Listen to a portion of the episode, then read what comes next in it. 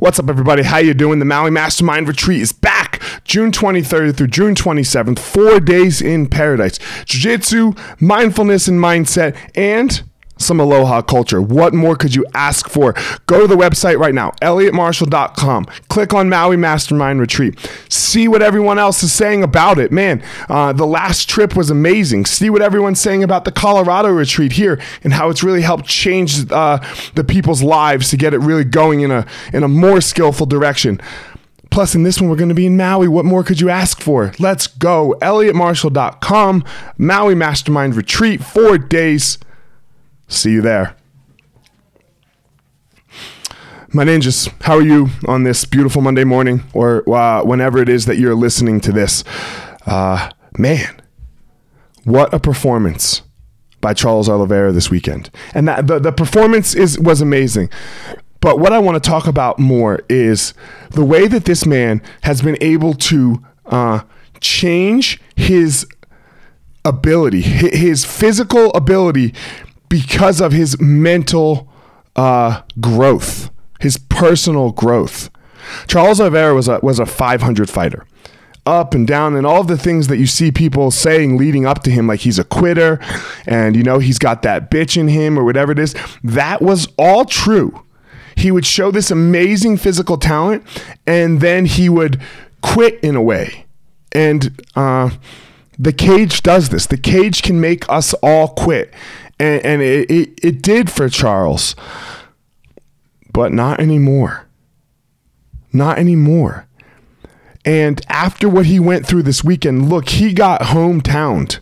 He got 100% hometown on that scale, so that you all understand, like with with the scale issue. And I know we're not really talking about fighting on this pot on this on this motivational, but he made weight backstage. You don't go out there knowing like he looks shocked when he didn't make weight. It's because they weigh you in the back, and then you go weigh in the front, and they're like, okay, yeah, you're on. So when he went and weighed in the front, in, in like officially, he's like, what are you talking about? I just made it back there.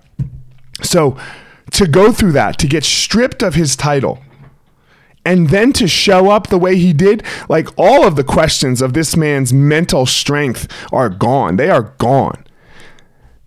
And the beautiful thing for that that that I really love about sports and, and the best is that we can learn so much from that. Look, most of you that probably listen to this, you're not going to be the UFC lightweight champion of the world. One, you don't weigh that that amount. Two, you don't fight, and three, maybe you're past this in, in where, where you are in your age, like I am.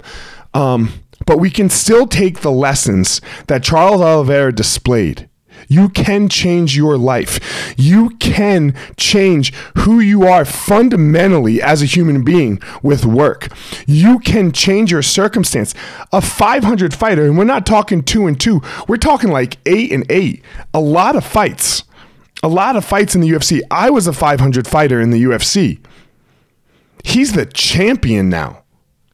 He said, No, I don't want to be like this anymore. And I'm going to do something about it and it had very little to do with his physical skills. His physical skills were great then, and they're even better now, but it's because of his mental ability. And you can do that too. That's what we all should be taking on this Monday morning from a guy like Charles Oliveira. Not how great he is and, and how and how spectacular it was. What we should be taking is, man, you can change your fucking circumstances. You can change your station in life if you really want to. Was it easy? No. Will yours be easy? No. But that's the good news. Because it was so hard for him. It was so hard for him. How could he quit on himself now in his most difficult moment in fighting since this change? So how I'm going to ask you, how could you quit on yourself? The difficulty is what makes it more worth it. It's what makes you go, no, I can't quit now. Look where I've come from. Discover your passion, find your power, go give your purpose to the world, my ninjas.